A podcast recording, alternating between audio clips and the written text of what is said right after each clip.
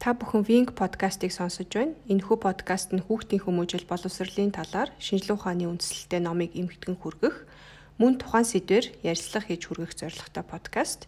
Бидний ураа бол Монголын ирээдүй хүүхдийн хөгжил. За сайн байцгаана үнд сонсогчдоо. Манай 15 дугаар дугаар эхлэхэд бэлэн болсон байна. За энэ удаагийн дугаараараа халиуна би манлай цэвгэ бид гурав бичгээр болсон байгаа. За сайн байцгаана уу бүсгүүчүүдээ. Сайн байцгаана уу. Сайн байцгаана уу. За тэгээд энэ удаагийн дугаараараа сэтгэлийн хаттай эцэг эхчүүдийн хийдэггүй 13 зүйлгээд а номынхоо 10, 11, 12, 13 дугаар бүлгийг ярихаар бэлдсэн байгаа. За ингээд бүлэг 10-аас би эхлээд явъя гэж бодож байна. За энэ бүлэг маань тэд хүүхдээ алдаа хийхээс хамгаалдаггүй гэсэн одоо нэртэй бүлэг байгаа. За тэгээ бүлэг маань нэг жишээгээр эхэлдэг.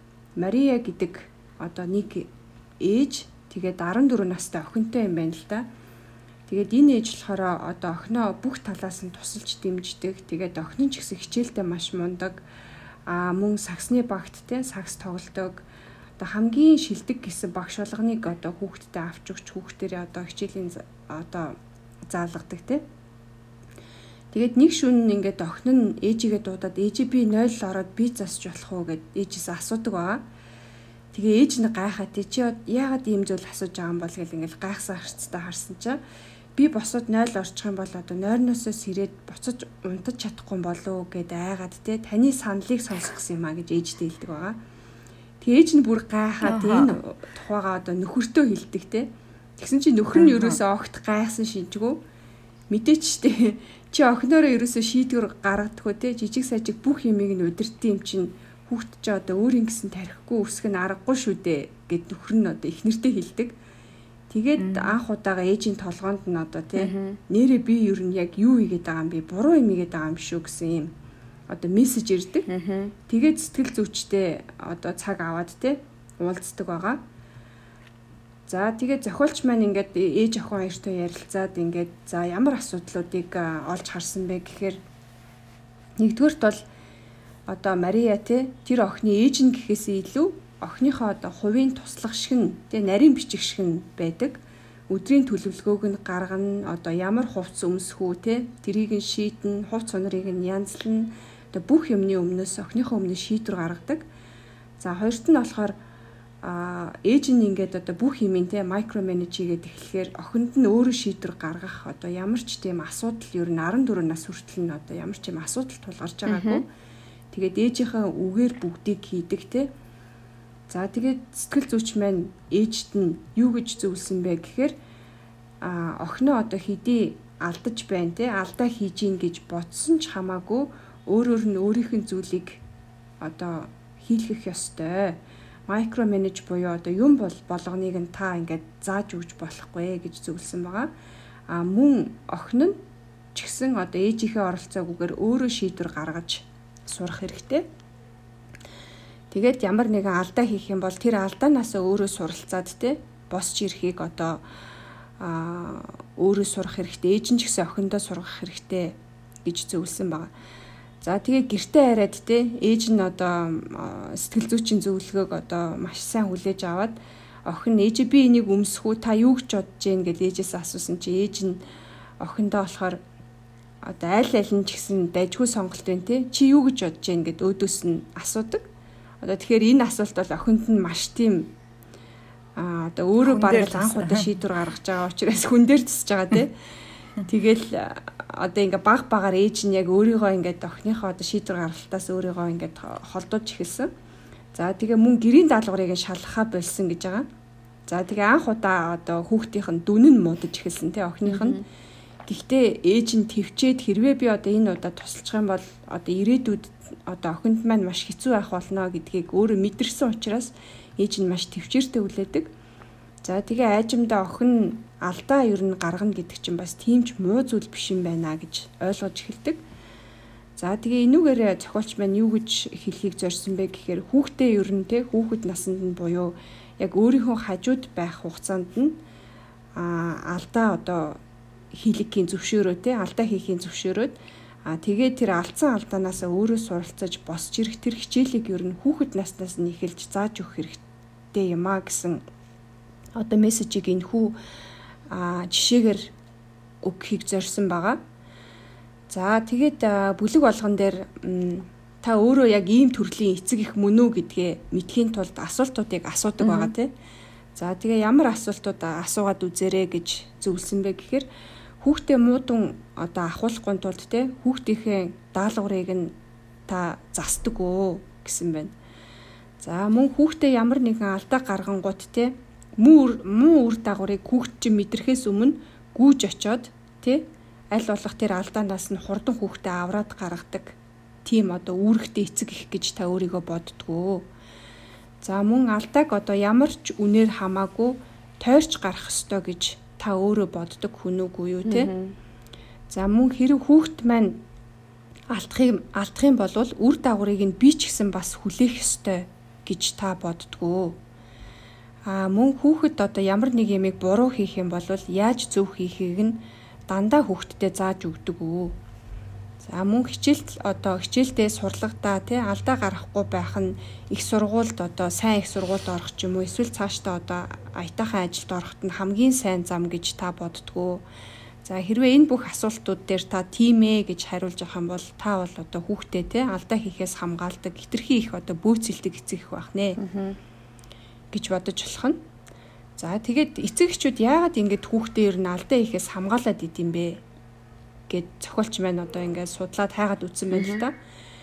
А энэ дээр ямар хариулт гарсан бэ гэхээр ер нь бол одоо технологийн дэвшлээс болоод те бид нэр ингээд бараг л нэг конопт дарахад л Facebook руу ороод одоо инстаграм юу гэдгийг твиттер гээл ороод те тэрэн дээр одоо янз бүрийн одоо илдэв муу төрлийн одоо мэдээнүүд те сонсох боломжтой болсон. Mm -hmm Тэгэхээр ер нь бол бид нар эцэг эхчүүд айгүй юм айдас дунд амьдардаг те ер нь л нийгэм маань болохоо яц юм байна гэсэн юм айдас дунд амьдардаг. Тэгээ тэрнээс бас хүүхдүүд айгүй их одоо хамгаалах чиг хандлагатай. За мөн дийлэнх эцэг эхчүүд бас ер нь санхүүгийн үед боломжтой болцсон те завтай болцсон хүүхдүүдийн одоо болон эцэг эхчүүдийн амьдрал их завтай болцсон. Тэгэхээр хүүхдтэй одоо нөгөө нэг санаа зовох цаг маань бас ихссэн гэсэн үг те. За мөн хүүхдүүдийн амьдрал бас их өрсөлдөөнтэй болцсон. Аа одоо нөгөө тий академик мэдлэгээрээ бас их өрсөлддөг болсон шүү дээ тий. Тэгэхээр ер нь нийтээрээ эцэг эхчүүд алдааг одоо ер нь маш их буруу тий. Одоо жишээ нь их сургуульд 10 жилийн төгсөөл их сургуульд орч чадаагүй бол За энэ айлын хүүхэд нь одоо яац юм болч гэдэг юм уу бас те жиг жуг ярьдаг эсвэл одоо сайн ажилд орч чадааг бол тэр ч одоо их сургууль төгссөн мөртлөө яхаараа ордгүй юм ч гэдэг юм. Тийм алдааг одоо юу гэдэг яг ийм дардан замаар яваагүй хүнийг алдцсан гэж аягүй их боддог болсон юм байна л да.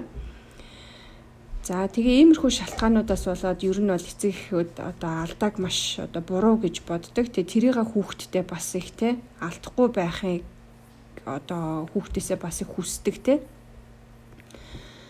За тэгээд ер нь бол одоо энэ хүүхдүүдээ те алдаа хийхээс нь хамгаалаад байх юм бол хүүхд чинь яг ямар хүүхэд болж хүмүүждэг вэ гэсэн юм судалгаа байна л да. Эндээс болохоор алдаа болгоноос нь сугалж гаргадаг те одоо нисдэг тэрэг шиг гэж ярьдаг те. Ийм аав ээжтэй хүүхдүүд одоо том болсон байна оо насан турш байна оо илүү сэтгэл гутралд орох тий амьдралдаа сэтгэл ханамжгүй байдаг гэсэн юм судалгаа үүд юм байна. За мөн сэтгэлийн төгшүүр болон одоо сэтгэл гутралын юмнуудыг илүү хэрэгэлдэг гэсэн бас юм судалгаа байдаг. За тэгээд мөн бүх юм нь нарийн төлөвлөгөөтэй тий зав чөлөө багтаа өссөн хүмүүс өөрөө өөрийгөө цаашид аваад явах чадвар сул болчдөг юм байна. За мөн бие махбодын хувьд те бусад хүүхэдтэй харьцуулахад бас сул байдаг хажууд нь одоо хизээ унтах, юу идэх, яаж дасгал хийх зэргийг нь тэг хэлэг хүн байхгүй үед өөрийгөө зохицуулах чадвар нь одоо маш сул байд юм байна л да. Тийм хүмүүс. За тэгтээ бас зохиолч маань энэ дээр нэг зүйлийг онцолж хэлсэн байгаа. Энэ нь юу вэ гэхээр та хүүхдэдээ ямар зүйлээс хамгаалах уу, ямар зүйлээс хамгаалахгүй вэ гэдгээ бас сайн ялгадаг байх хэрэгтэй одоо хүүхдэд зоригтой болгож ийн гэл одоо бүх юмыг те бүх юмнаас хамгаалахгүй байна гэсэн үг бол биш. За жишээ нь дараах 3 аюулаас мэдээж хамгаалах хэрэгтэй гэж зохиолч минь зөвлөсөн байна. Нэгдүгüрт нь болохоор аюулгүй байдалд нь одоо халдах зүйлүүд байж болно те.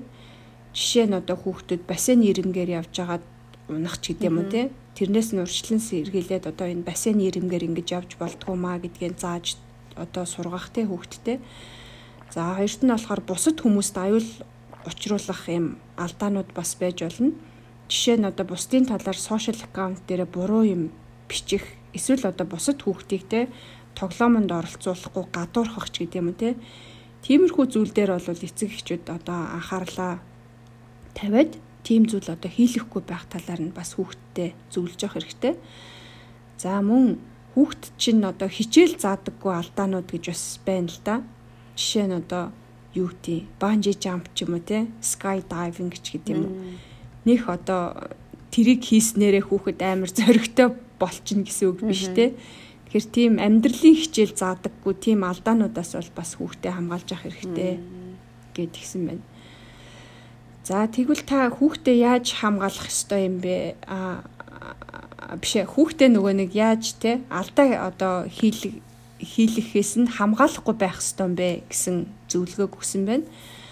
За энэ дээр болохоор зөвхөн хүүхдээ одоо алдаа хийлгэх нь хангалттай биш те.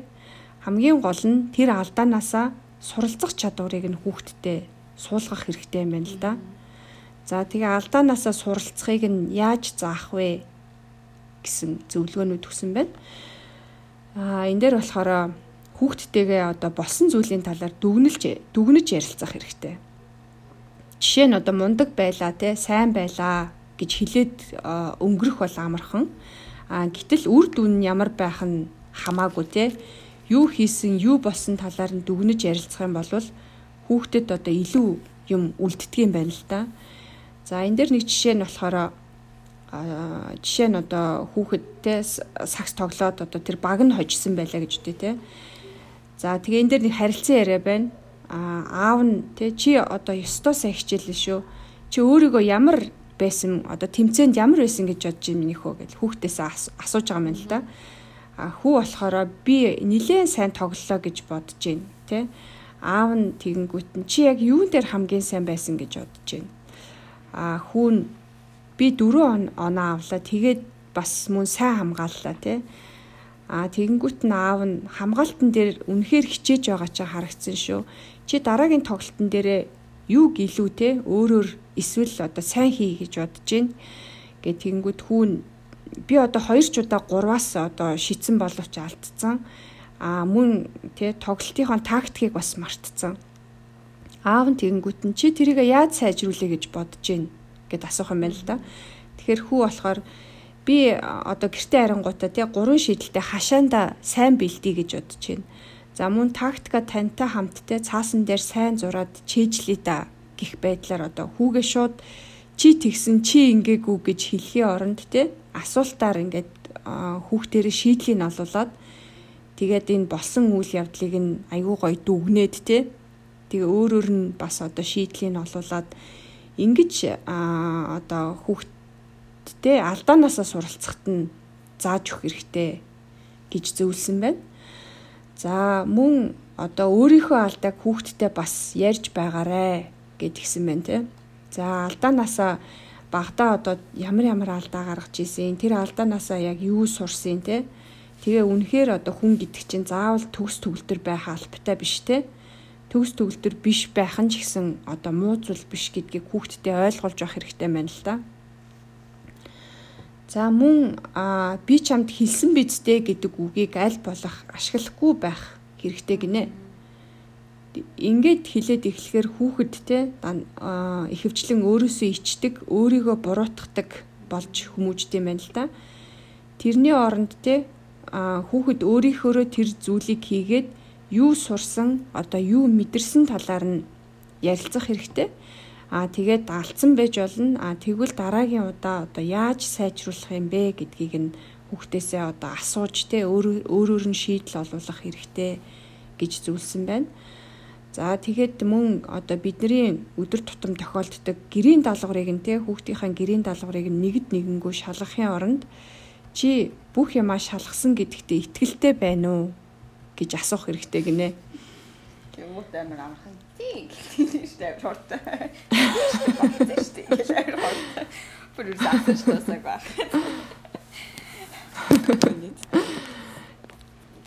Тэгэл яваал нөгөө багштай очиод загнуулаад нөгөө ангийнхаа хүмүүсийн өмнө жоохон шараа болол те. Тэгэл намайг дутуу хийсэн байл да. Ваа гэж үрээдэрсэг амир чи шалгасан бидтэй гоо. Тийм би яг ингээ амир яг хийцэн байсан байхгүй юу гэж амир өөртөө итгэлтэй. Тэр амир өргөд мөрдөө хөрг амир та. Өөрөө өөртөө л яг мондол хийцэн юм шиг байна. За тэгээд нөгөө насаар нь бас хүүхдүүдэд зөвлөгөө өгсөн байгаа. За сургуулийн өмнөх насныханд болохоор энэ насныхан суралцах юмыг таньж мэдэх сонирхолтой одоо байд юм байна л та. Тэгэхээр хийж байгаа юм болгонд нь ороод байх юм бол хүүхдийнхээ одоо төсөөлөн бодох те бүтээлч байдлыг нь өвөө хийж идэг. Одоо жишээ нь ингээл хүүхд чинь зааныг ягаанаар бодож байлаа гэж бодъё те. Тэгэнгүүт чи хажуунаас нь ороод заан чин саарл байдаг те гэл. Заавал саарлаар бодуулах гал хичээгээд байдаг шүү дээ. Тэр бол бас буруу юм байна л да. За тэгээд мөн энэ насны хүүхдийн аюулгүй байдал болон нийгэмшиг чадвар дээр нь илүү одоо эцэгчүүд төвлөрөх хэрэгтэй байдгаа. Тэрнээс биш ингээд юм болгон руу н оролцоод байх хэрэггүй гэдгсэн байна. Жишээ нь одоо тий зам руу гүүх нь аюултай гэж хэлж ойлгуулах тий хин нэгэн хүүхдийн одоо сэтгэлийг өвдөхөөр юм хэлж байна уу гэдгийг нь анхаарах тий за одоо жишээ нь сүү асгаж сутгаад одоо нөгөө сүүгээ хийдэг штэ тий хүүхдүүд эсвэл гутлаа буруу харуулж юмс гэх мэт. Тэр одоо болгонлоо нь битгий одоо нөгөө нэг зүв болгоод засаад тэгэрээ тий нэг удаа асгана, хоёр удаа асгана. Тэгээ тэр алдаанаасаа сураад хийх ёстой. Тэр тэр одоо боломжийг нь хүүхдтэй олгоорой гэсэн байна. За сургуулийн насны хүүхд болохоор а тусламж гуугаад ирэх болгонд нь битгий одоо эцэг эхчүүд нь шууд тусалж агаарэ тий өөрөөр нь шийдлийг нь олуулад хэрэгцээ хэрэгцээтэй үед нь чиглүүлж харьцах хэрэгтэй гэж зөвлөсөн байна. А асуулт асуугаад тий өөрт нь дахиад туршаад үзэх боломжийг нь олгоорой. Одоо жишээ нь тий би энэ улаан футболгийг өмсгсөн чинь а энэний ижил шортон заваан байна гэдээ одоо хүүхэд нь ээж дээрээ ирлээ гэж бодъё л дээ. Тэнгүүт нь ээж нь тэгвэл чи одоо яг юу гэж бодож байна те яасан дээр үү гэж асуух хэрэгтэй. За тэгэхээр хүү мэдхгүй гэдэг юм бол ээж чи өөр санаа бодож олж чадна да гэж хүүхдээ улам тэгээд ах юм байл. Тэгэнгүүт нь хүүхэд нь аа би тэгвэл оранж футболко джинстэйгээ хамт өмсчтiin билүү гингүүт нь ээж нь тэр чи юу нэг зөв сонголт гэж бодож шүү гэл те. Тэгээд ингээд багсаа галдаа хийгээд хүүхд чи явж илэг тэрийг нь хүлээн зөвшөөрөөд те жоохон хүлээцтэй хандаарай гэж зөвлөсөн байна. За өсвөр насныхан болохоор энэ насныхан болохоор тийм төгс төгөлтөр харагдах гэсэн нийгмийн дарамт шахалттай их тулгардаг гинэ энэ насны хүүхдүүд. Тэгээ хүүхдтэйгээ ер нь бол өөрийнхөөрөө байхын чухлын талаар тогтмол ярилцаж байгаарэ гэж зөвлөсөн байна. Зарим хүмүүс одоо өөрийнхөө сул талыг те алдаагаа нуухыг хичээдэг а одоо тэх нь бол те заавал тийм шаардлагатай биш гэдэг талаар хүүхдэд ойлгуулах хэрэгтэй. А мөн бас одоо алдартай юм бүтлгүүтлийн талаар те. Жишээ нь одоо Томас Эдисон, Walt Disney ч гэдэг юм уу те. Тиймэр хүмүүсээс жишээ аваад тэр хүмүүс одоо хичнээн мянгуудаа бүтлгүүтжиж одоо амжилтанд хүрсэн гэдэг талаар тий хүүхдтэйгээ жишээ аваад сайхан ярилцж байгаарэ гэж зөвлөсөн байна. За тэгээд бүлэг 10 маань үгээр өндөрлж байгаа. 11 дугаар бүлгийг манлаа ярина. За 11 дугаар бүлэг дээр болохоор энэ нөгөө хариуцлагатай ээж аавд олохтой зэрэг шийтгэл болоод энэ сахилга батыг хольж гутгадгүй гэсэн бүлэг байгаа. За тэгээ бүлэг маань нөгөө л заншил ёсороо нэг асуудлын тухай одоо ингэ танилцуулж эхэлдэг. За тэгээ энд юу гардаг вэ гэхээр нэг 11 настай хүүтэй эцэг их ээж аав хоёр байдаг л да. Тэгээд хүүхэд нь бүр ингээд амар ингээд нөгөө ааш нь бүр олтгоо байгаад бүр өстө нөрөө нөгөө хилдгээр хог дээр гарцсан юм шиг болцсон бүр ерөөсөө ингээл нас нь явах тусмаа улмал ингээл бие өмөөрөө лээж аваагаа эсэргүүцэл тэгэл тэрийг нээж аав нь ингээд илүү чангалж гэн гээл улам илүү ингээл дарамт одоо нөгөө юу гэдэг нөгөө шахалт үзүүлээл сахлаг баттай байна гэж шийтгэж мэдгээл ингээл янз бүрээр үтсэн байна л та. Тэгэл бас хоорондоо ингээл нөө ээж аваад ээж нь ярьдаг. Энэ одоо өглөө хүн л энийг одоо ингэж болохгүй гэж тэгсэн байж хаад яагаад дахиад энэ ингэчихэж байгаа юм бол ер нь яагаад ингэж ингэж энэ хүүхд ерөөсөө л нэг ерөөсөө дийлдэхэ боллоо гэж ээж аав нь хоорондоо бүр яриад үгээ бараад тэгэд энэ сэтгэл зүйчдээр очдог. Аа тэгээд дээрэс нь энэ хоёр хүүхдээ бас яаж шийтгэжсэн бэ гэхээр ингээд уганд орохгүй хэлснээр нь хийхгүй болонгууд нь ингээд хүүхдийнхаа хайртай тоглоомыг нь авдаг ч юм уу эсвэл одоо ингээд хэрэгсэл одоо нөгөө тоглоом моглоом янз бүрийн юмнуудаас нь ингээд аваад ном момыг нь аваад ч юм уу ерөөсө бүхэл юмнуудыг ингээд аваад шийтгэдэг байсан юм байна л да. Тэгээ нэг анзаараад харсан чинь ерөөсө хүүхдийнх нь өрөөнд баг хүүхдийнх нь өөр ингэсэн баг байхгүй ганцхан унддаг ор хүнжлийн дэвсгэрнээс нь өөр юмгүй болцсон байсан. Тэгээ бүр хийх хүүгээ бараад одоо яах вэ ингээд жоох хүүхч ингээд те бүкс мөсрөөнд ингээд зодоод ингээд алгадаад авъя гэхээр эн чинь бас 11 12 та хүүхдэд чинь бас ингээд том болцсон. Одоо тэг яад юм байгаа ингээд даргаа бараад нөө сэтгэл зүйчдэр очдог.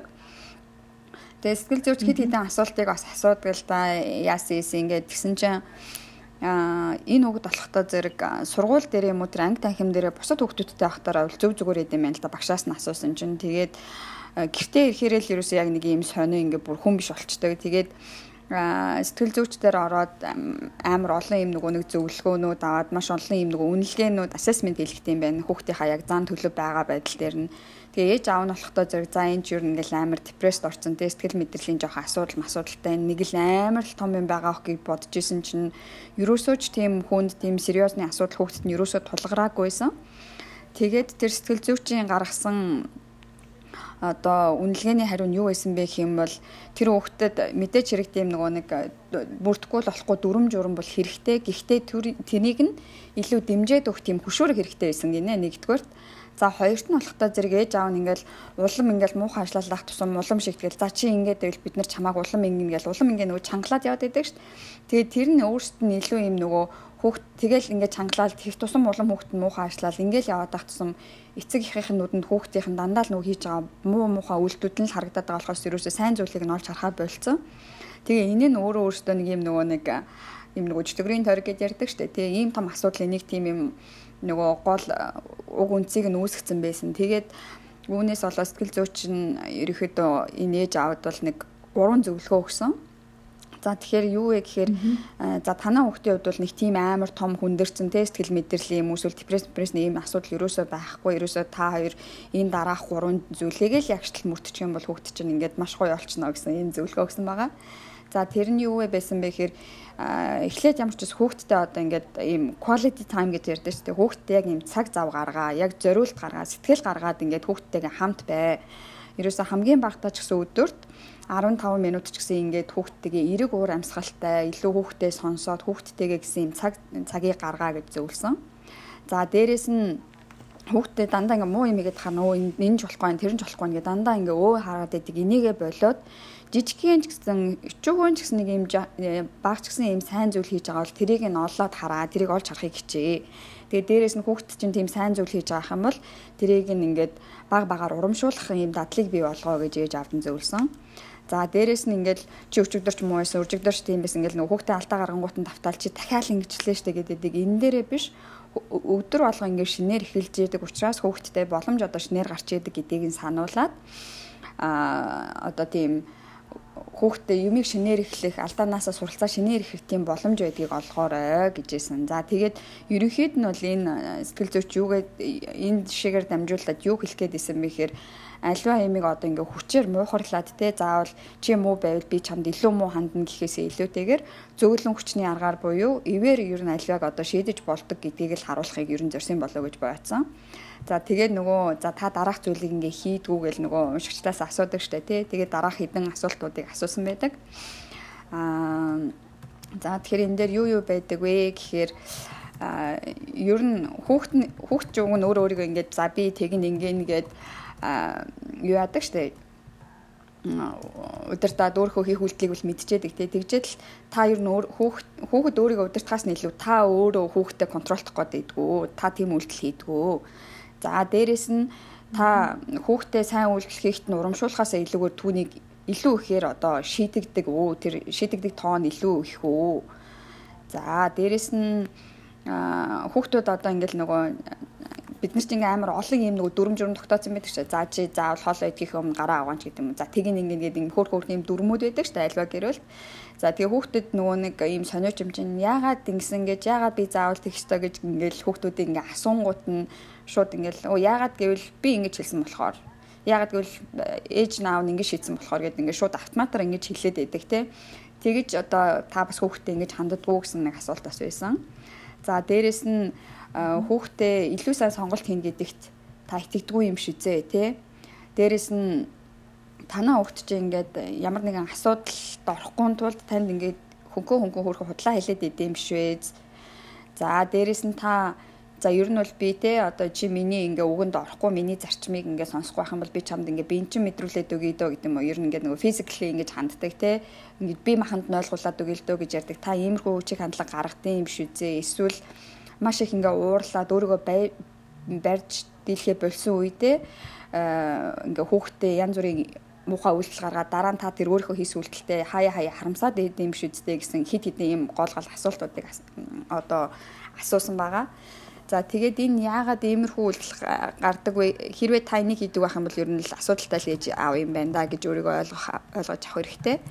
За тэгээд ээж аавуудын дунд бол ерөнхий нийтлэг гардаг алдаа бол энэ сахилаг баттай байлгаж гин гэд шийтгээд байдаг. За тэгэхээр ер нь бол энэ сахилаг баттай байх шийтгэл гэдэг хоёр зүйлмаар нь огт хоёр өөр үйлдэл учраас үүнийг хизээж хооронд нь холж болохгүй. Хүүхдээ илүү сайн байлгах чинь тийм учраас би сахилга баттай байна гэж шийтгэхэд ээж болохгүй гэсэн үг. За ерөөхдөө бол чангахан байгаа дах юм бол илүү сайн ойлгоно хүүхэд хийсэн үйлдэлтэй илүү харамсна гэж эндүрдэг. Гэтэл энэ бол буруу шүү гэсэн хамгийн гол энэ бүлийн гол мессеж нь бол ерөөсөө эндэл явж байгаа. За тэгээд хатуу чанга тийм янз бүрийн шийтгэл гэхээсээ илүүтэйгээр тийм зөв сахилга баттай байхыг илүү үзхийг одоо зөвлөсөн байгаа даа. Яагаад одоо түрүү нөгөө хэлчихсэн шүү дээ энэ хоёр бол хоёр өөр ойлголт яваад байгаа. Хоёр өөр концепц явж байгаа. Нэг нь шийтгэл нөгөөх нь сахилга бат. За шийтгэл юугаараа ялгаатай юм бэ гэх юм бол шийтгэл бол хүүхэд аливаа нэг үйлдэлийг буруу зүйл хийсэн байхыг нь тэрийг нь одоо шийтгэж чи ингэсэн болохоор чи ингэж нэгэд алдаан дээр нь илүү фокус хийдэг бол зарчимтай байх, сахилах баттай байх гэдэг бол за одоо миний хүү энэ удаа ингээд ийм алдаа гаргачихжээ. Чи ийм буруу юм хийжээ. За үүнийг дараагийн удаа яаж хийхгүй байж болох вэ? Тэ илүү одоо нөгөө нэг урагшаа ирээдүрүү чиглэсэн илүү позитив хандлагатай байх нь л тэгэхээр нөгөө хүүхдийн нөгөө бодох цаашид яах вэ гэдэг нөгөө асуудлыг шийдвэрлэх дадлыг нь илүү зөв тийш чиглүүлж гин гэсэн үг. Тэгэндээсээ энэ гол нөгөө нэг ялгаан гараад ирж байгаа юм л да. За тэгээ шийтгэлийн хувьд юм бол маш олон янзын төрлүүд байдаг гинэ. Тэгээд бид нар бол ерөөхдөө шийтгэж гэн гэхээр ингээл тайм аут гэдэг юм уу те хэсэг хугацаанд цаг завтай ингээд чи тийг дуугаа бай. Эсвэл заримдаа бүр ингээ хитрхи ингээ уралж муурлахаар хүүхдээ ингээд нэг дэлсэд авах ч гэдэг юм уу. Алга за ингээ алгадад цохимох гэхдээ ч одоо ч нэг одоо байхгүй л ахал та. Гэтэ энэ нөгөө номон дээр жишээ олгоод бичсэн байсан. За бас өөр нэг шийтгэлийн төрлүүд гэх юм бол дан ганцхан ингээд зодод цохоод идэм үү тэгхээс илүүтэйгээр бас дууга өндөрсгөөл те хүүхд рүүгээ муухай ахшиграал хараал хилээд ч юм эсвэл ингээд янз бүрээр одоо ингээд хэлж үг хэлээр доромжлох. Энэ бол бас шийтгэлийн төрөлд ордог гинэ. Аа за тэгээд ер нь яагаад энэ хүүхдүүдэд ингэ шийтгээд байдаг шийтгэх гээд байдаг? Энэ хандлага бол бас эцэг хитрхи бас өөрсдөө бид нар бас ингэ нөгөө стресстэй байна те. Нийгэм одоо маш их ачаал дунд байна Тэгээ бид нар бас өөрсдөө ингээд нөгөө депресд орсон байгаа үед ерөөхдөө энэ шийтгэл рүү ингээд явж орчих гээд байдаг учраас өөрсдөө бид нар бас би ер нь ямар хуу миний сэтгэхгүй эрүүл мэндтэй миний ерөн сэтгэл санаа хэрэг байна вэ гэж өөртөө бид нараас жоохон анхааруулжтай байх хэрэгтэй юм шиг байна. Тэгэхгүй байх юм бол бид нар бас хит өөртөө ядарсан ажил байна. Тэгэл нийгэм хүлээсээ хариуцлага тэрэн дээрээс болоод ингээ хүүхд мөхт орлоод ингээ гут бид нар өөртөө барьж дийлхээ болоод тэгэнгუут ингээ хүүхд мөхтөө шийдэх гээд байдаг бас юм хандлага байдаг гинэ. За энэ дээр бас нэг ийм сонирхолтой гэдэг юм уу да нэг юм байсан шийтгэл ер нь бол эцэг эхчүүдийн хувьд шийтгэл хэрэглэх амар амархан. Дээрээс нь ингээд нэг ингээд нэг удаа хүүхдээ шийтгэхээр ер нь дахин дахин ингээд хэрэглэх гээд одоо донтуулах гад идэг нэг тийм юу байдаг гэсэн. За тэгээд тэр нь яагаад тийм бэ гэхээр ер нь бол ингээд шийтгэгч ер нь амар амархан шүү дээ тий амар хурдан үр дүнгээ өгдөг. Тэгээд дээрээс нь ингээд нэг том дуурчих юм бол хөөхөд шууд ингээл ба ба ба ба гэдэг ахгүй. анхаарлыг чинь шууд сонсоол таны хэлэхээс үгийг шууд сонсоол. Маш хурдан үр дүнгээ өгдөг учраас хүмүүс энийг ингээд нөгөө шууханд барьж аваад хэрэглэж гээд байт юм байна л та.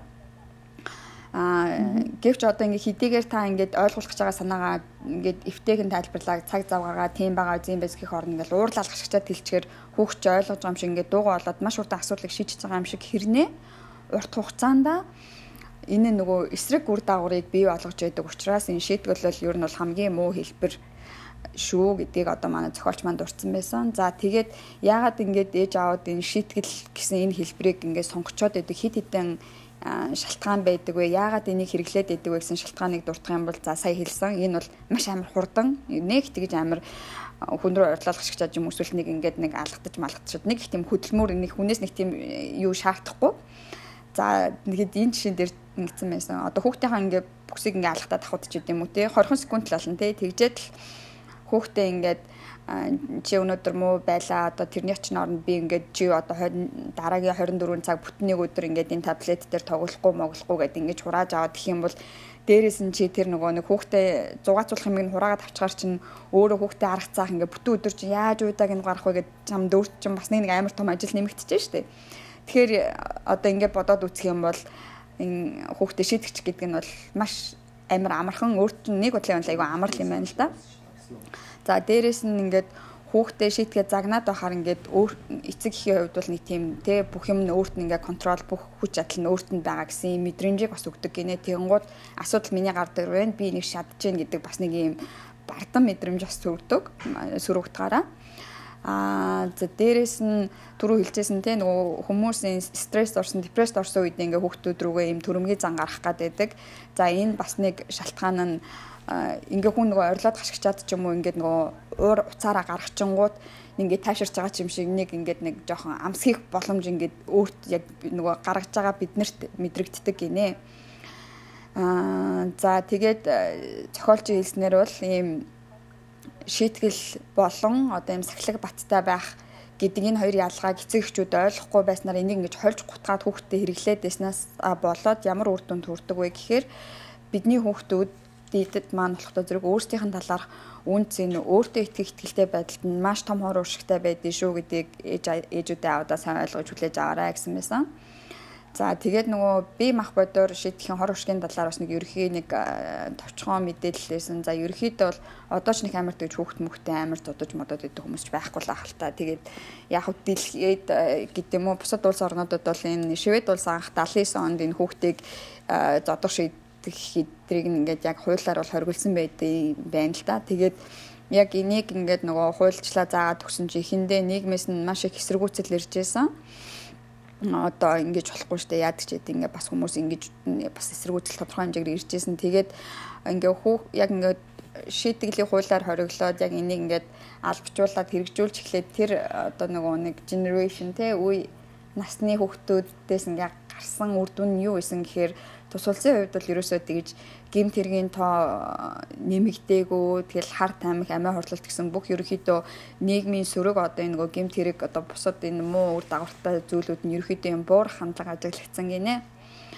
За энэ дээр нэг сонирхолтой юм нэс нөгөө бүкс рүү алгадахын тухай болохоор нөгөө соёл болоод нөгөө улс орон болгон өөр өөрийн юм нөгөө соёлтой өөр өөрийн бас юм тайлбартай юмнууд байдаг шүү дээ. Тэгээд ер нь бол улс орнууд байх л ингэж боддог ч байхад зарим хүмүүс нь бүр хитрхи болохгүй болохгүй гэдээ янз бүр байдаг ч гэсэн ерөнхийд нь бол ерөнхий жин дөнгөрөө бол энэ хүүхдийн бүкс мөкс рүү алгадах бол ерөөсөө сайнгүй ингэнэ. За тэгээ энэ дээр нэг судалгаа байгаа. Тэр судалгааны дүнгээс харсан чи юу гэсэн гэлээ. Бүкс рүү алгадаад ах юм бол хүүхэд улам ийм агрессив ийм ууртай зочмог болдог гин За дээрэс нь энэ зан үйлийн зан үйлийн ааш ортой холбоотой асуудлуудыг улам илүү дордуулт юм байна. За нэг нь болохоор э, ингээд нөгөө бүсрөө налгадаад ахаар энэ IQ энэ буурах шалтгаантай холбоотой байсан гэсэн бас нэг тоо байсан. За тэгээд аа тэр нөгөө түрүү хэлжсэн шүү дээ дан ганцхан би би мээр нь одоо ингээд цохиж зодоод байхаас илүү бас энэ орилж гашигчих бол бас маш их э, хор нөлөөтэй. За олон ээж аваад өө би хүүхдэрөөсөө тэгж гар мар хүрээд идэггүй штэ гэж хэлдэг чсэн амар тэгж орилж гашигчдаг муухай ингээд чанга дугаар орилдог ч юм уу те. Тийм бас эцэгчүүд байдаг. Аа за тийм бол хэрвээ та хүүхд рүүгээ тэгж муухай чанга дуу муугаар ингээд дуугаа өндөрсгөж ярьж мэрдэг байх юм бол тэр чинь бол ерөөсөө яг л зодсонтой ерөөсөө ямар ч ялгаа байхгүй гэсэн. За энэ бүлэг дээр бас нэг гардаг санаа нь болохоор хитрхи хатуу юм дүрм журам тогтоогоод ингэхгүй бол тэгин тэгвэл ингэн мэнгэн гэдэг ингээ бүр хитрхи ингээд хатуу юм байх юм бол хүүхдүүд чи ер нь ингээ хөөхөн хөөхөн худлаа ярьцдаг болдог гинэ. Тэгээд угаасаа нөгөө үннээ хэлсэн ч гэсэн л өө чи тэгвэл ингэсэн байж тэгэл үннээ хэлсэн ч буруугаа хэлсэн ч угаасаа л шийтгэлтэй байх юм бол хүүхд чинь бас хөөрхөн ухаантай шүү дээ тий яагаад тэгвэл заавал би үннээ хэлэн барин байж шийтгүүлэх ёстой юм бэ гэсэн дөрвөл зүгээр худлаа яриад шийтгэлгүй явж исэн дээр юм байна гэсэн ийм сонголтын төртэй байна л та. За дээр нь бас нэг нэг санаа явж исэн юу вэ гэхээр би гэхдээ энийг нөгөө Америк ном болохоор тэрэнд л манайхан дунд чарч нэг ийм асуудал гардггүй байх л гэж бодож байна л да. Энэ нөгөө нэг олон нийтийн дунд ингээд э, хүүхдээ эвгүй байдалд одоо би зүгээр ингээд жишээгээр бодоход ингэх юм байна л да. Одоо нэг ресторанд ороод те гэр бүлээрээ хоол идээ сууж байгаа л нэг 6 7 настай бидний хэлгээр хөөрхөн бас том болцсон хүүхэд ингээл жүүс асгацдаг ч юм уу те хоол молоо ингээд хуц муцруугаас ч юм хүүшээс нэрэ чи ийм том болчоод манай энэ хүүхдийг хараа ийм том болчоод ингэчлээ ш тэгээд олон нийтийн дунд ингээд тэр хүүхд дээр тусгаалж ингэж фокуслаад алдааг нь ингэж бүр олон нийтэд ингэж дэлгээд ч юм уу те тэгэх айгу муу ингэнэ зарим эцэгчүүд үгүй мэдгүй н одоо Америкт л тэгдэм билгүү дээ. Аа хүүхдээ тэгэж олон нийтийн дунд ингэж өөрийг нэчгэвтер байдалд оруулснараа тэр хүүхэд ингэж засарна гэж найдд юм уу боддог нэг бас тийм арга барил байж бодох юм гэж боддгоо юм билгүү дээ ээж аауд нь. Тэгэх юм бол энэ бол маш буруу шүү гэцмэсэн. Гэтэ би бол энийг бол араач нэг өдийн насны хүмүүсүүд бол хүүхд мөхтэй нэг тэгэл олон хүний дунд орчвол чихмээрэн тэгмээр ингээд яриад байдгүй байх л гэж бодож байна. Тэгэхээр энэ бол мэдгүй надад бол нэг жоохон төсөөлөхөд нэг жоохон амьдралаас хотлол юм шиг санагдсан. За гэхдээ яахав тэгээ нөгөө сүүлийн үед нөгөө сошиал медиа ч юм уу те амар олон юм сошиал платформуд айгүйх байгаа учраас хүүхд мөхтөгээ гаргасан алтаа малтаг тэрэн дээр тавиад ч юм уу ер нь л юм нэг паблик байдлаар оруулж хүүхдээ имчгэвтэр байдалд оруулах нь маш хортой зүйл шүү гэж хэлсэн байсан. За тэгвэл одоо ер нь гаргалгаа э, яг юу ах юм бэ те яг юу хийвэл зүйтэй юм бэ гэдэг дээр э, манай зохиолч маань хэд хэдэн зөвлөгөө өгсөн. За тэрэн дээр ер нь бол эцэг гэхийн хувьд бол чи өөрийгөө ер нь өөрийнхөө ур чадварыг маш сайн үнэлэх хэрэгтэй. Өөрөө өөртөө үнэлэлт дүгнэлт өгөх хэрэгтэй. Ер нь өөрийгөө би нэг юм удирдахчтай альва байгууллагын удирдахч босс хүн байна гэж бодоод ингээ өөрийгөө үнэлгээ өгөх юм бол чи хэр байна вэ гэдэгтээ өөрийгөө нэг зүгээр ингээд гурав дахь хүний нүдээр ч юм уу ингээ харах гад дүгнэлт хийх гээд үзээрэй гэсэн байсан. За тэгээд ингээ бодож байгаад өмнө ингээ ажиллаж байсан байгууллага дээр чинь хэрвээ өөрт чинь таалагддгүй нэг тийм дарга байсан бол тэр хүн ямар үйлдэл хийдэг байсан тань таалагддгүй байсан бэ те тэгээ тэр нь арай танд бас байгаа юм биш үзээ гэдэг байдлаар ер нь өөрийгөө эргцүүлж бодох юм байна л та. За жишээ нөгөө ихэнх нөгөө хүмүүсүүдийн дунд таалагддгүй босс гэсэн одоо авируд гэдэг юм дээр бол жишээ нь амар тийм бүдүүлэг эсвэл ингээл ажилтнаасаа байнгын их юм ингээл нэхэж шаардал идэг те эсвэл ингээ хийлж ярьсан зүрсэн тийм боссууд бол ерөнхийдөө ямар ч ажилтнаас таалагддгүй юм байна. За яг тэрэн шиг та тийм үйлдэл хүүхдтэд гаргадаг юм шүү дээ. Тий амар бүдүүлэг дээрээс нь тэгэл хүүхдээсээ байнга амар олон юм шаардал, нэхэж шаардал тэхгүй ч байх, ингэхгүй ч байх ингээл а эсвэл нэг юм ярьчаал өөр юм хийгээд ч юм уу ийм байгаад ах юм бол та бол ер нь хүүхдтэй таалагдахгүй ээ. Ер нь өөрийгөө л ер нь энэ удирдахчл гэж үзгэл юм байна л. Удирдахч гэж үзээд өөртөө байгаа скиллүүд манд харч нь үгүй юу гэдгийг өөр өөртөө эргцүүлж үзэх юм байна. За тэгээд гол илүү практик нөгөө саналууд гэх юм бол а нөгөө эцэг эхчүүд чи хүүхдүүдтэй за тэгвэл ингээм нэг юм хөөхөн бид нарт чинь нэг юм нөгөө дөрмүүд эдэн штэ. Гэртээ за гэртээ яг орж ирэнгууд хамгийн эхэлж гутлаа тайлаад ингээд ингээ гараа байгаа тийг ингэж гэдэг юм янз бүрийн юм айл болгонд эцэг их болгонд юм дөрмүүд байгаа ах. За яг энэ зан төлөвтэй холбоотой гэх юм бол ер нь бол юу гэж вэ бүх дүрмүүд бол ер нь маш юм тодорхой, ерөөхдөө маш ойлгомжтой байх хэрэгтэй. За дээрэс нь илүү юм нөгөө үзэгтгүүдтэй яг юм тодорхой орж ирвэл гутлаа тайлна гэдэг хэрвээ үнэхээр л тимийг байлгах юм бол яг ингээ хаалхныхаа өмнө тэрийг ингээд гутлаа тайлаараач гэдэг юм уу яг ингээд бичээд харагдахгүй ч бас байж байлгачих хэрэгтэй гинэ.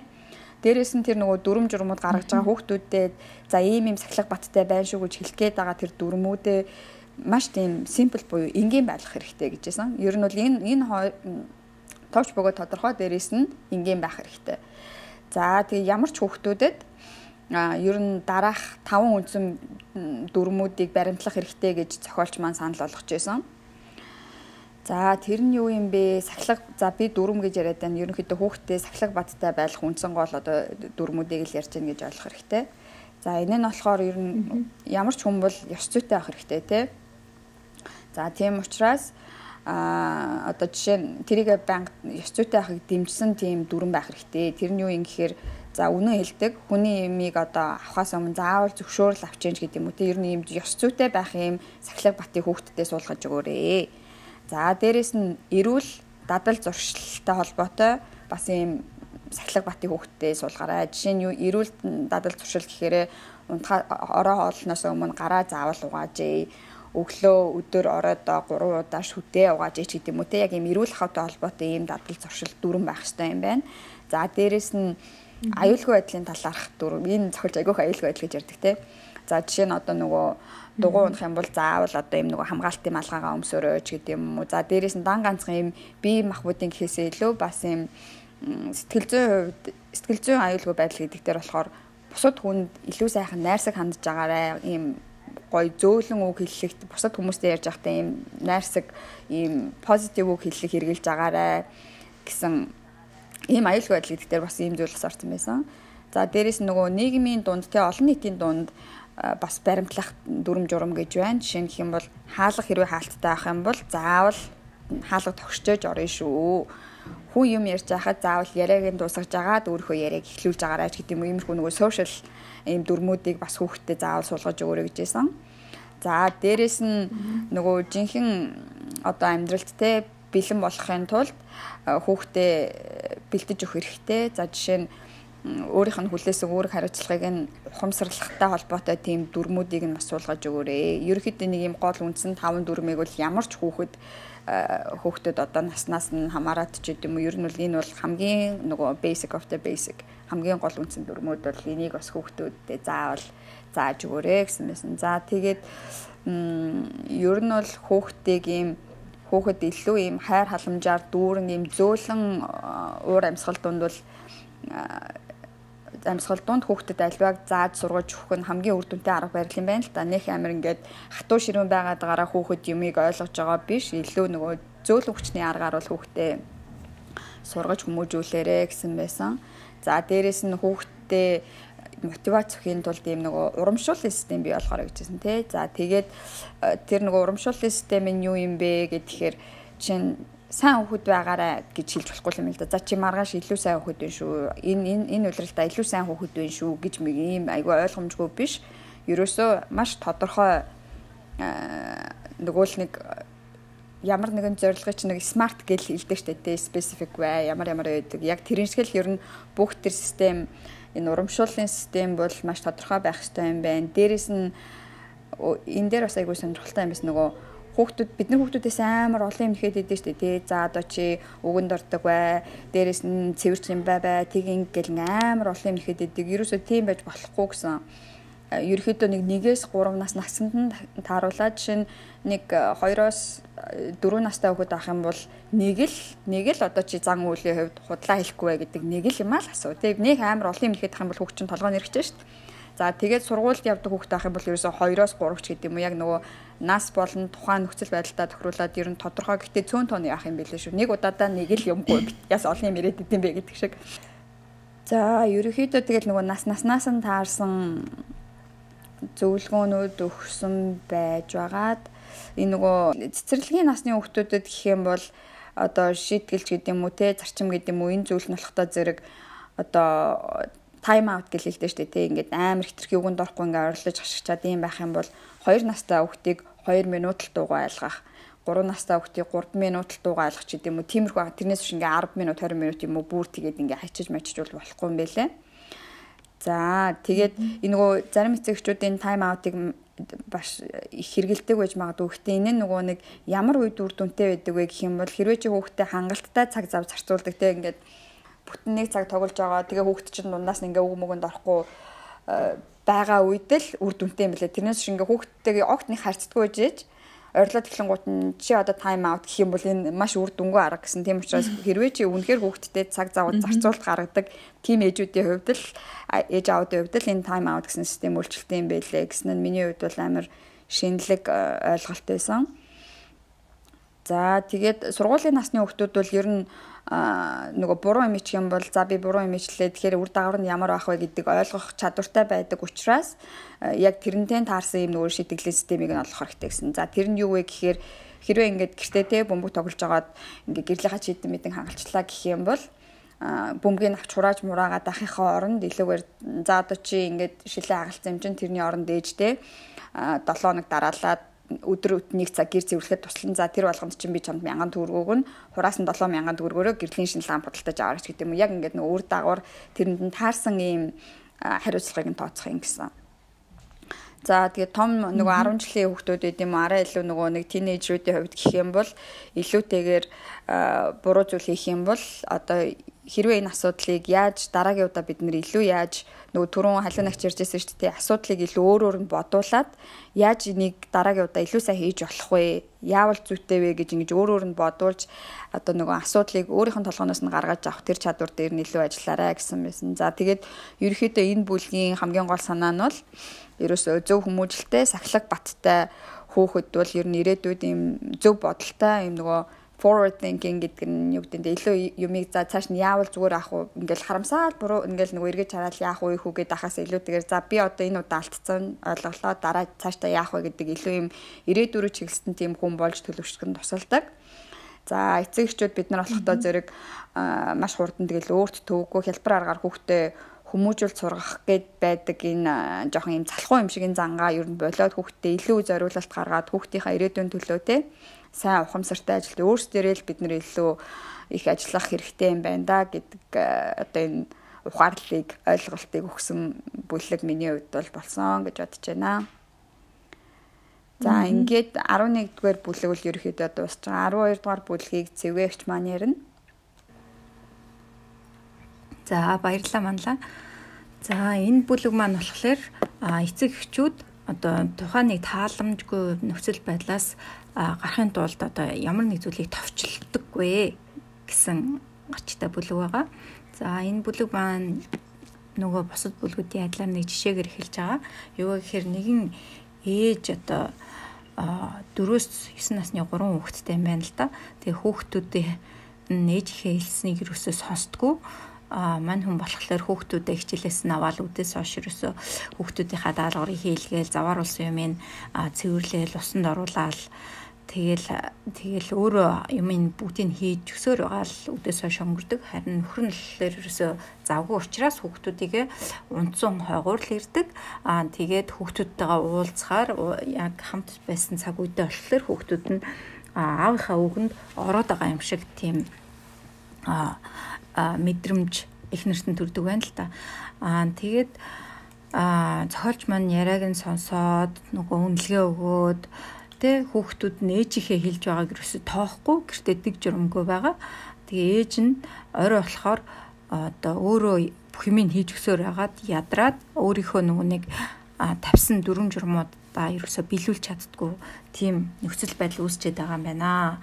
Гэд одоо та бүхэн гэр бүлэрээ нэг тодорхой нэг дүрм журамтай байгаа чи.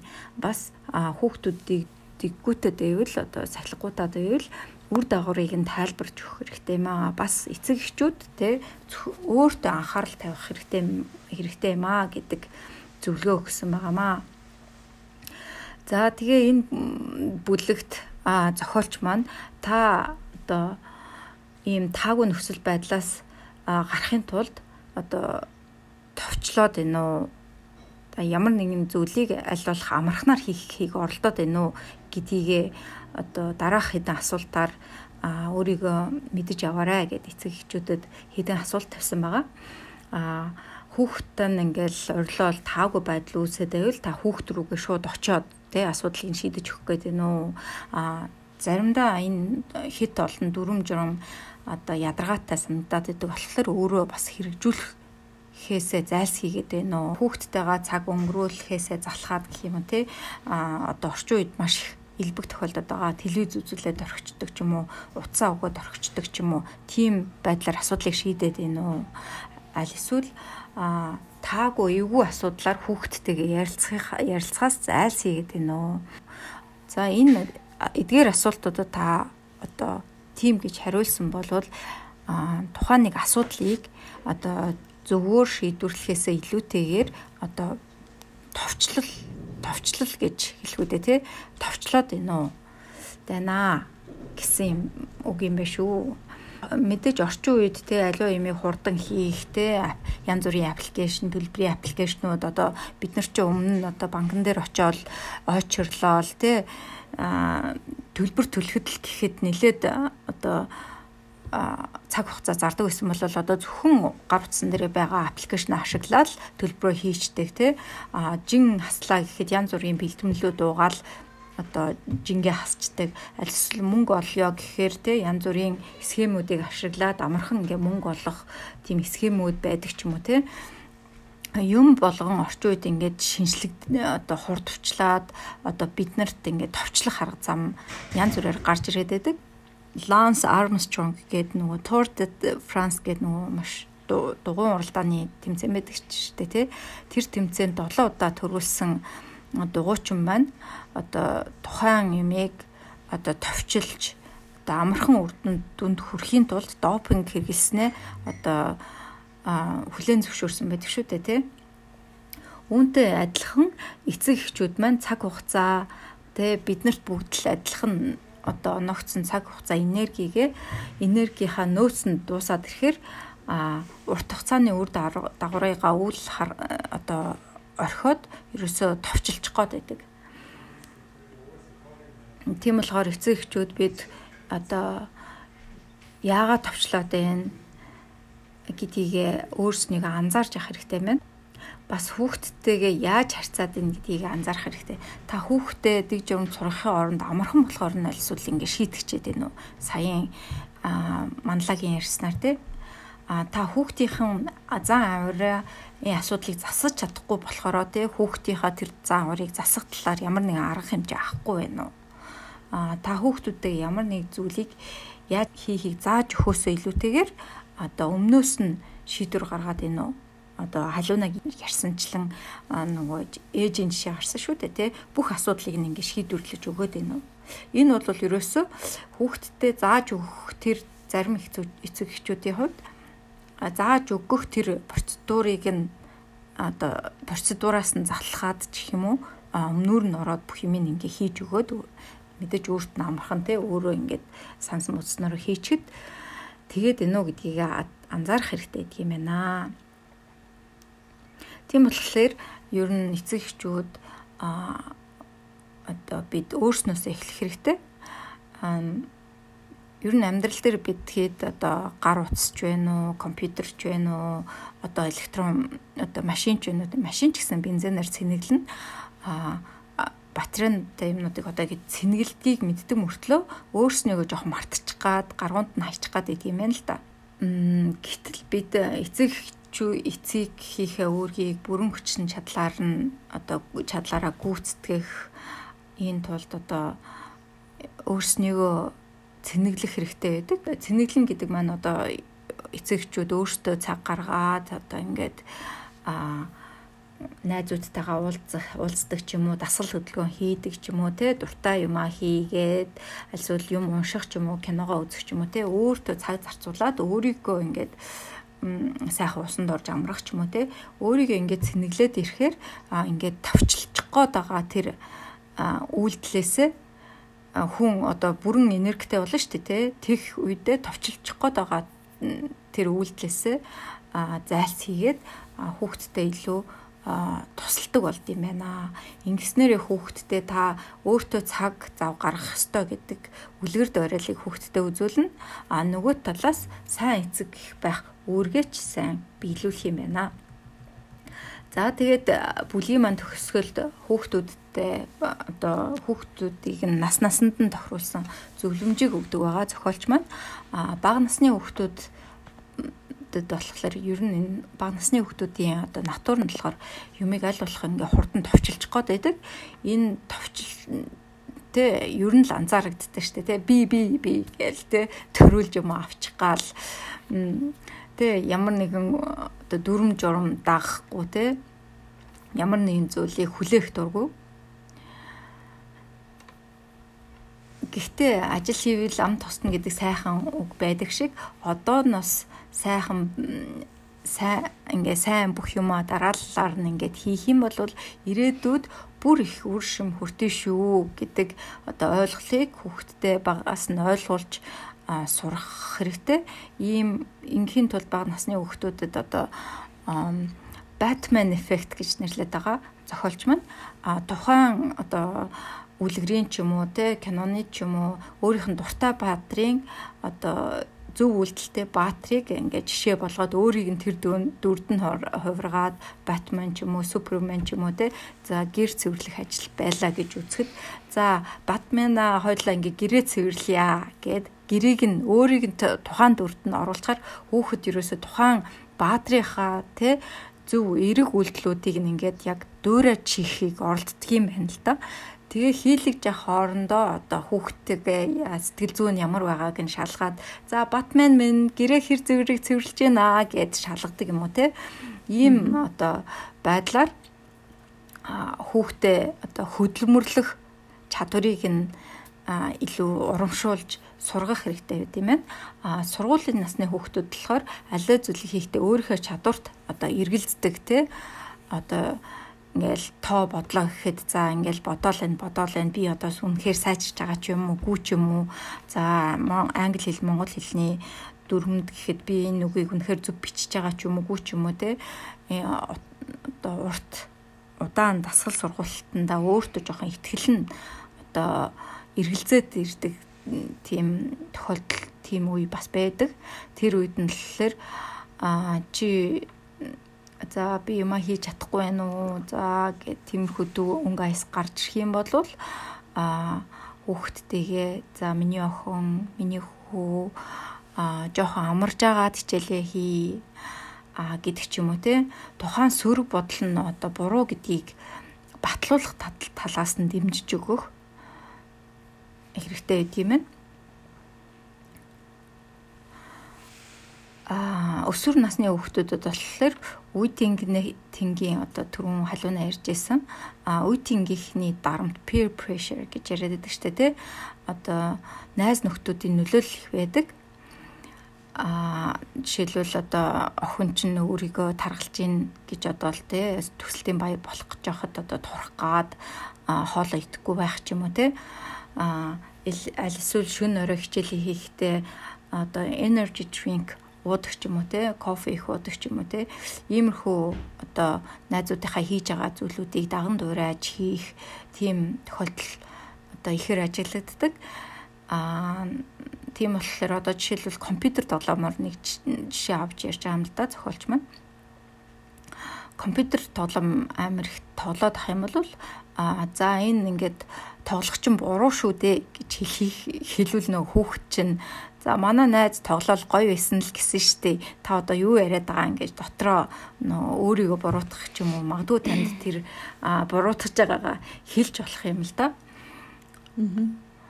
Тэгэхээр энэ үед нь болохоор а За компьютер тоглоом ингээ шүнжэнгөө тоглох юм бол чи хичээлээ хийж амжихгүй маргааш чи сургууль дээр очиод илүү өөрийгөө буруутгадаг ч юм уу ичгүүртэй байдалд орно шүү дээ гэж анхааруулж а хэлж ивэл их зүгээр идэм байна. За тэгээд мэдээж ямар ямар нэгэн товчлол хийхгүй ёс журмын дагуу хийж сурсан хөхд бол цөгөрлөлтгүй одоо хөдөлмөрч шаргуу том хүн болж төлөвшд юм байна.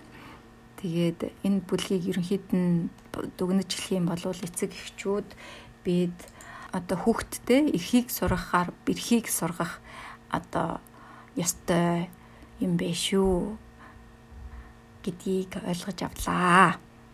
Ингээд энэ бүлэг манд дуусч байна. Халуун надаа одоо микрофоныг шилжүүлье. За баярлалаа Цэвгэ. За ингээд хамгийн сүүлийн бүлэг бол 13 дугаар бүлгээ аа яри. За энэ бүлэг маань болохоор сэтгэлийн хаттай эцэг эхчүүд маань өөрсдийнхөө тий үнд зүйлээс хазаадаггүй гэсэн ийм бүлэг байгаа.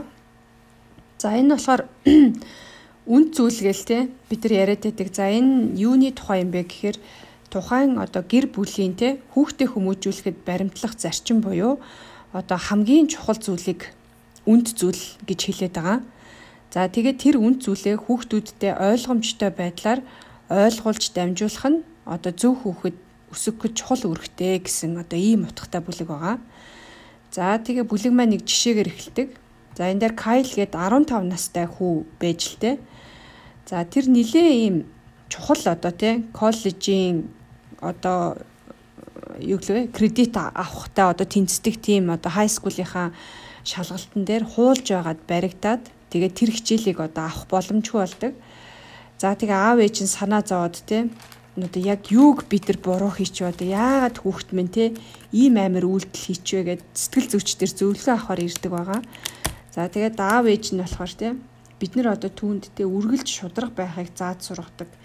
Гэвч одоо хүүхэд маань ингээ шалгалтын дээр хуулж байгаа баригдчихлаа. Энэ бол одоо ингээд маш тийм те бидрийг юм айлгсан ийм тохиолдол боллоо гэд ингээд санаа зовж байгаа талаараа хэлдэг.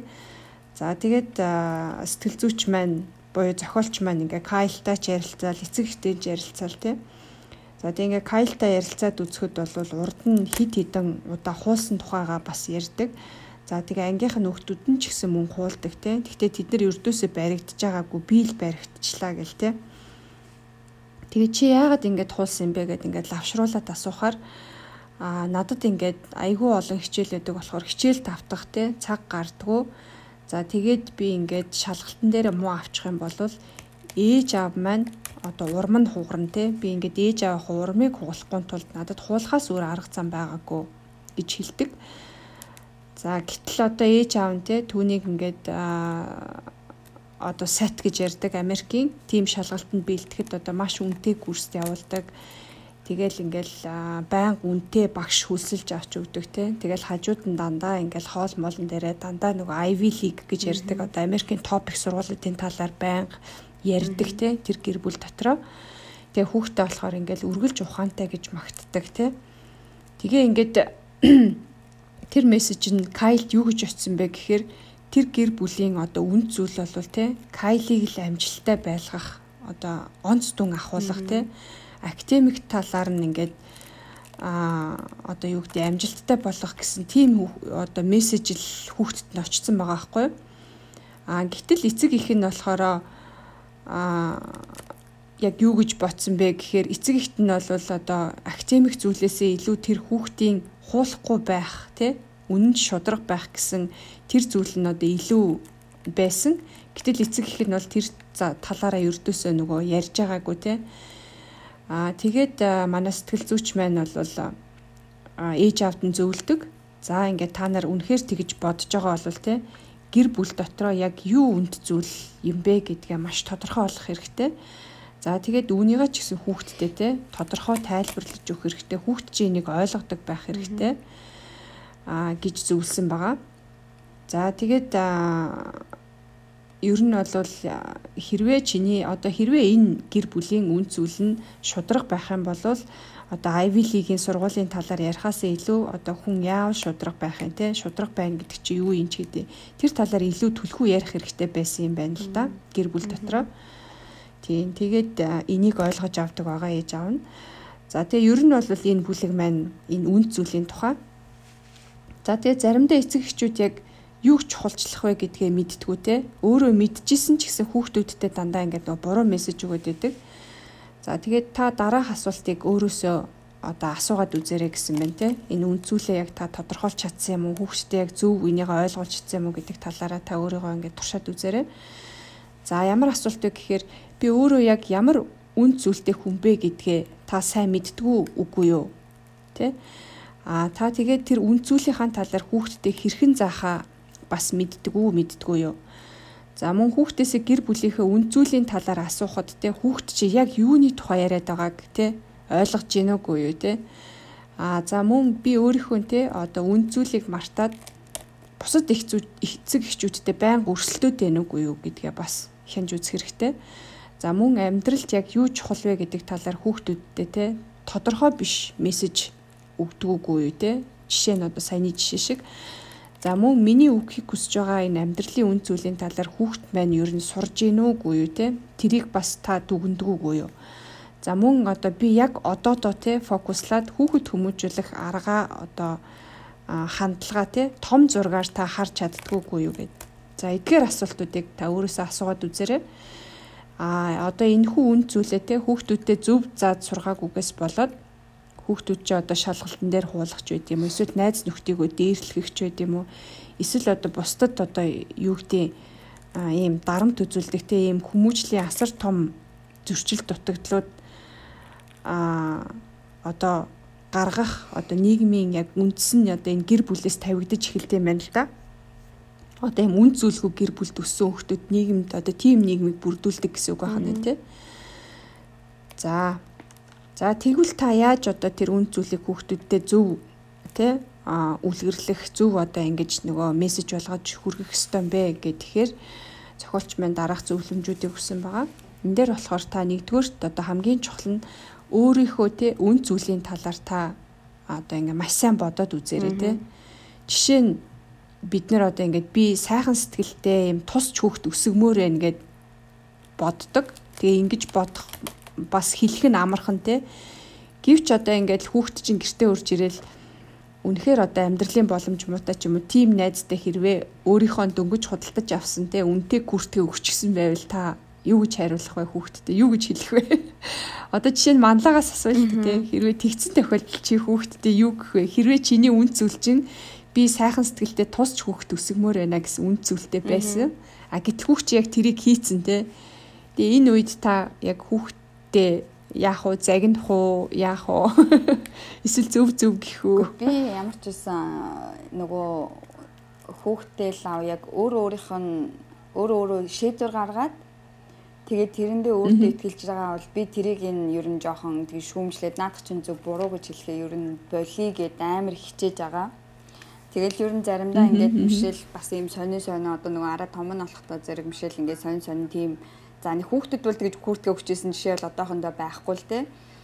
Гэхдээ ингээд нөгөө хамт тоглож моголж байгаа тоглоом огцсон ч байдаг ч юм уу. Тиймэрхүү юм гарлаа хэр чи яагаад тэгж бодсон ингээд би заавал нөгөө шалтгааныг нь асуугаад тэгээ айгүй хөөхөө хөөхөө юм ингээд миний хувьд ийм байсан болохоор би энэнд үгүй мэдхгүй би ямар ч байсан мишэл өөрийнх нь тэр өөрөө бодож байгаа дөөрөөсөө гаргасан шийдвэрийг нь л хүндлэхийг боддог. Тэрнээс яагаад төрүүлж чи яагаад Тэ ингэж болохгүй штэ болохгүй штэ гэж би бол ер нь өөрийгөө айл болох тэр тал дээр бол 20 л гэж бодож байгаа. Аа. Гэтэ яг одоо ингээ куртгээ тайлаад өөрөө шалтуу үрээд дэрвэл бас яах юм болоо те бас ингэ жоохон сонирхол юм бэ. Шууд өө зөвштэйгээд бас нэг тийхгүй л хүү яасан бэ яасан исэн бэ гэж асууж байгаа л бас жоохон тайвширч байгаа л яах бах та. Эхний удаа дур шууд л ингээл тийм амар будаа шиг өө айси гээл байж чадахгүй л ах шулуу яг нөгөө нэг үн зүйл гэдэг юм чинь бас нэх олон байвал хүүхдийн толгой эргэж штэ тий. Тэгэхээр ер нь бол ингээд 1 2 үнцүүлтэй. Тэгээ тэр нь бүр үнэхээр одоо үнцүүлэл нь болвол күртгээ тайлах бас загнахгүй байж болох л байна та тий. Гэтэ энэ нөгөө үнэт зүйл амар хэцүү юм байна. Одоо жишээ нь ингээд нөгөө чи ингээд амар сайхан сэтгэлтэй байгаа чиг л одоо хэлнэ штэ жишээ нь тий. Тэгэнгүүт би дүүдээ сайхан сэтгэл гаргаж байгаад энэ ингээд тэдний боддог сайхан сэтгэл бидний боддог сайхан сэтгэл бас ингээ амар өөр юм билээ. Би бол ер нь тэрийг бол амар нөгөө ингэж тодтогч ингэж ийм ийм юмыг л сайхан сэтгэл гэж би хүлээж байгаа шиг одоо ингээд нөгөө скоп энтриг нь зааж өгнө шүү дээ. Тэгэхгүй л ер нь тэдний хувьд бол сайхан сэтгэл бол бүхэл юм байж болох болчоод бүр тэр бол нэр үнэхээр нөгөө товч тодорхой байна гэдэг бол бас амар том даалгавар юм байлээ гэдэг бол бас айгүй ойлгоолаа. Аа. Аа тэгээд мөн энэ жишээ шиг те та одоо жишээ нь ингээ хүүхдийнхээ ангийн багштай уулзлаа гэхэд танаа хүүхэд одоо те бусад хүүхдэд маш сайн тусалдаг гэж та сонсомоор байна уу? Эсвэл одоо танаа хүүхэд те ангийнхаа одоо хамгийн сайн тоо боддог нь гэж сонсомоор байна уу те? Mm -hmm Тэр чин бас одоо таны яг үнд зүйл чинь хичнээн би юм сайхан сэтгэлтэй хөвгт өсгмөр байх гэсэн үнд зүйлтэй боловч эсэргээрээ та ингээд танаа хүчин тоон дээр амар лаг гэж сонсомоор байна уу те. Тэрийг бас өөрөө ингэж бодож те цэгэнж үзэх хэрэгтэй байна л да. За тэгээд хоёрт нь болохоор гэр бүлийн одоо мишн гэж ярьдаг те. Одоо тийм урайтай нэг юм алсын хараатай байх хэрэгтэй гэж зөвлөсөн байна. За тэгээ гэр бүл ингээд нийтлэг зориг юм зорилттой аа байгаад те тэрийгээ ингээд бас айгүй гоёор ингээд тодорхойлоод те аа тэрийгээ бас гэр бүлийн хурал хийгээд аа хүүхдүүдийнхаа саналыг ч гэсэн одоо тусгаад те тэрэндээ тийм гой зоригтой болоод тэгээд тэрийг бүх хүнд ингээд товч бөгөөд тодорхой а хилчих юм бол бас а одоо юу гэдэг яг нэг зүг рүү хараад явах юм байна л та. Гэр бүл гэдэг утгаараа. компани жишээ нь одоо тийм компани шиг гэж байгаа байхгүй тийм like corporate гэж байгаа байхгүй. Тийм мишнтэй байвал бас их гоё те энэ үн зүйл гэдэг одоо юма багаас нь хүүхдэд заахын тулд одоо тийм юма хэрэгжүүлээ гэж зөвлөсөн байна. Жишээ нь одоо нэг гэр бүлийн одоо мишн гэдэг юм бол бид том мөрөөд нь а мөн шургуу хөдөлмөрлөн тэгээд илүү их хайрлна их инээн бусдад туслана ч гэдэг юм те иймэрхүү нэг юм тийм 5 6 юм гоё юм мишнтэй те тийм болоорой гэж зүйлсэн байна. За тэгээд мөн хүүхэд одоо хар аяндаа эцэг эхийнхээ үйлчлийг хараад сурчин гэж одоо энэ үн зүйлдер бол бодох хэрэггүй. Аа яагаад тэгэхээр та дотроо нэг юм бодоод яваад идэх те үйлдэл чинь бас жоохон ондооч байж болно шүү дээ хүн. Тэгхийн бол одоо хүүхэд чинь бас төөрөлт чинь те. Тийм болохоор ер нь бол үн зүйлийнхээ талаар заад сургах боломж бүрийг байнга одоо хайгаад те. Тэгээд хүүхдтэй байнга заад сургаж агаарэ гэж зүйлсэн байна. За мөн одоо амьдралынхаа хэрвээ үн зүйлийг тодорхойлчихсон бол бусад эцэг эхчүүдтэй нэг ихтэй ингээд хит их өрсөлдөөд хэрэггүй гэдэг гисэн байна. Жишээ нь одоо бид нэр ингээд нэг фэйсбүүкээр ороод харангууд нэг хүүхэд ингээд айгүй гоё зурцсан зураг тавьдаг ч юм уу те эцэг их нь эсвэл ингээд хүүхдээ амарлаг пиано дарж байгаа зураг мургаа тавингууд маргаашин шууд хүүхдээ зургийн дугууланд пианогийн дугууланд оруулмаар санагдаад ингээд нөгөө ингээд амар хийх юм чинь барагдахгүй шүү дээ. Тэгээ ер нь тийм нэг чиг шугамаа ч юм үн зүйлээ ингээд тодорхойлцсон. За нэг хөгжмийн зэмсэг, нэг спорт, тэгээд за монгол хэл, англи хэл. Тэгээд тэрнээс гадна одоо нөгөө зөвхөн болгох ч гэдэм үү те. Яг ийм тодорхой нэг хэд юмтай. Тэгэл яг тэрнийхээ төлөө ингээд тууштай байгаад тахад болно те. Гэтэл одоо хит их өрсөлдөөд ингээд буцад бусад эцэг эхчүүд те тийм тийм хэрэггүй. Дан бах уу. Тий. Нэг ихэлжүүл. Тий. Аа. Тэгээ хөөхтэй ч бүр нөгөө ямар ч юугүй бол зориггүй болгоо. Тийм. Харин тийм яах гээд байгааг нь мэдчихгүй тийм. Бидний хизээний уншижсэн ном дээр л бас байсан шүү дээ. Нөгөө өөрийнхөө хийж чадаагүй юм хөөхтэй хэлэх гээд бас ингээм амар хүчлээд идэг гээ тий. Хэлэх гээд идэг тий. Энэ амьдралын үгүй энэ нөгөө гэр бүлийн зарчимтай ураатай болох гэдэг энэ айгуу гоё юм байна. Та та хэд дээр ер нь хэрэгжүүлдэг юм юу байгаа юу? Одоо манай гэрүүл тийм ч гэдэг юм уу яг юм. Үгүй яг тийм бичигдсэн яригдсан юм болоо аахгүй. Гэтэ яг хоо ерөнхийдөө нэг тийм аа ерөнхий юу бол байгаа да. Тийм, ерөнхий чиг шугам бол байгаа. Гэхдээ яг нэг хоорондоо ярилцаад бичсэн бүгд яг нэг утгаар ойлгоцсон тийм бол байхгүй. Гоё юу вэ те санаа байна те. Тий. Харин тийм байна. Надад бол бүр энэ илүү харжүүлэл зүгээр юм тийм. Илүү хийнэ, бусдад туслана гэдэг бол бүр амар гоё санагдчихж байна. Энийг гэр бүлийнхаа дараагийн хурлаар оруулна. Ажендад оруулна. За тэгээд ингээд 10 дугаар биш 13 дугаар бүлэг маань дуусж байгаа. Энэ ном маань ч гэсэн ингээд дуусж байгаа тийм ээ. Тий, ном маань ч гэсэн ингээд дуусж байгаа. Энэ хүртэл одоо сонссон та бүхэндээ маш их баярлалаа. Тэгээ маш гоё хэрэгтэй ном байсан учраас бид нэр ингэж маш их задлж ярьсан шүү, тий. Хараа айгүй их юм практик айгүй энгийн ойлгомжтойгоор бичигдсэн ном байсан, тий. Тий. За тэгээд энэ хүрээд подкаст маань дуусж байна дараагийнхаа дугаараар уулзцгаая. Тийм баярлалаа. За дараагийн дугаараар уулзцгаая. Баяртай.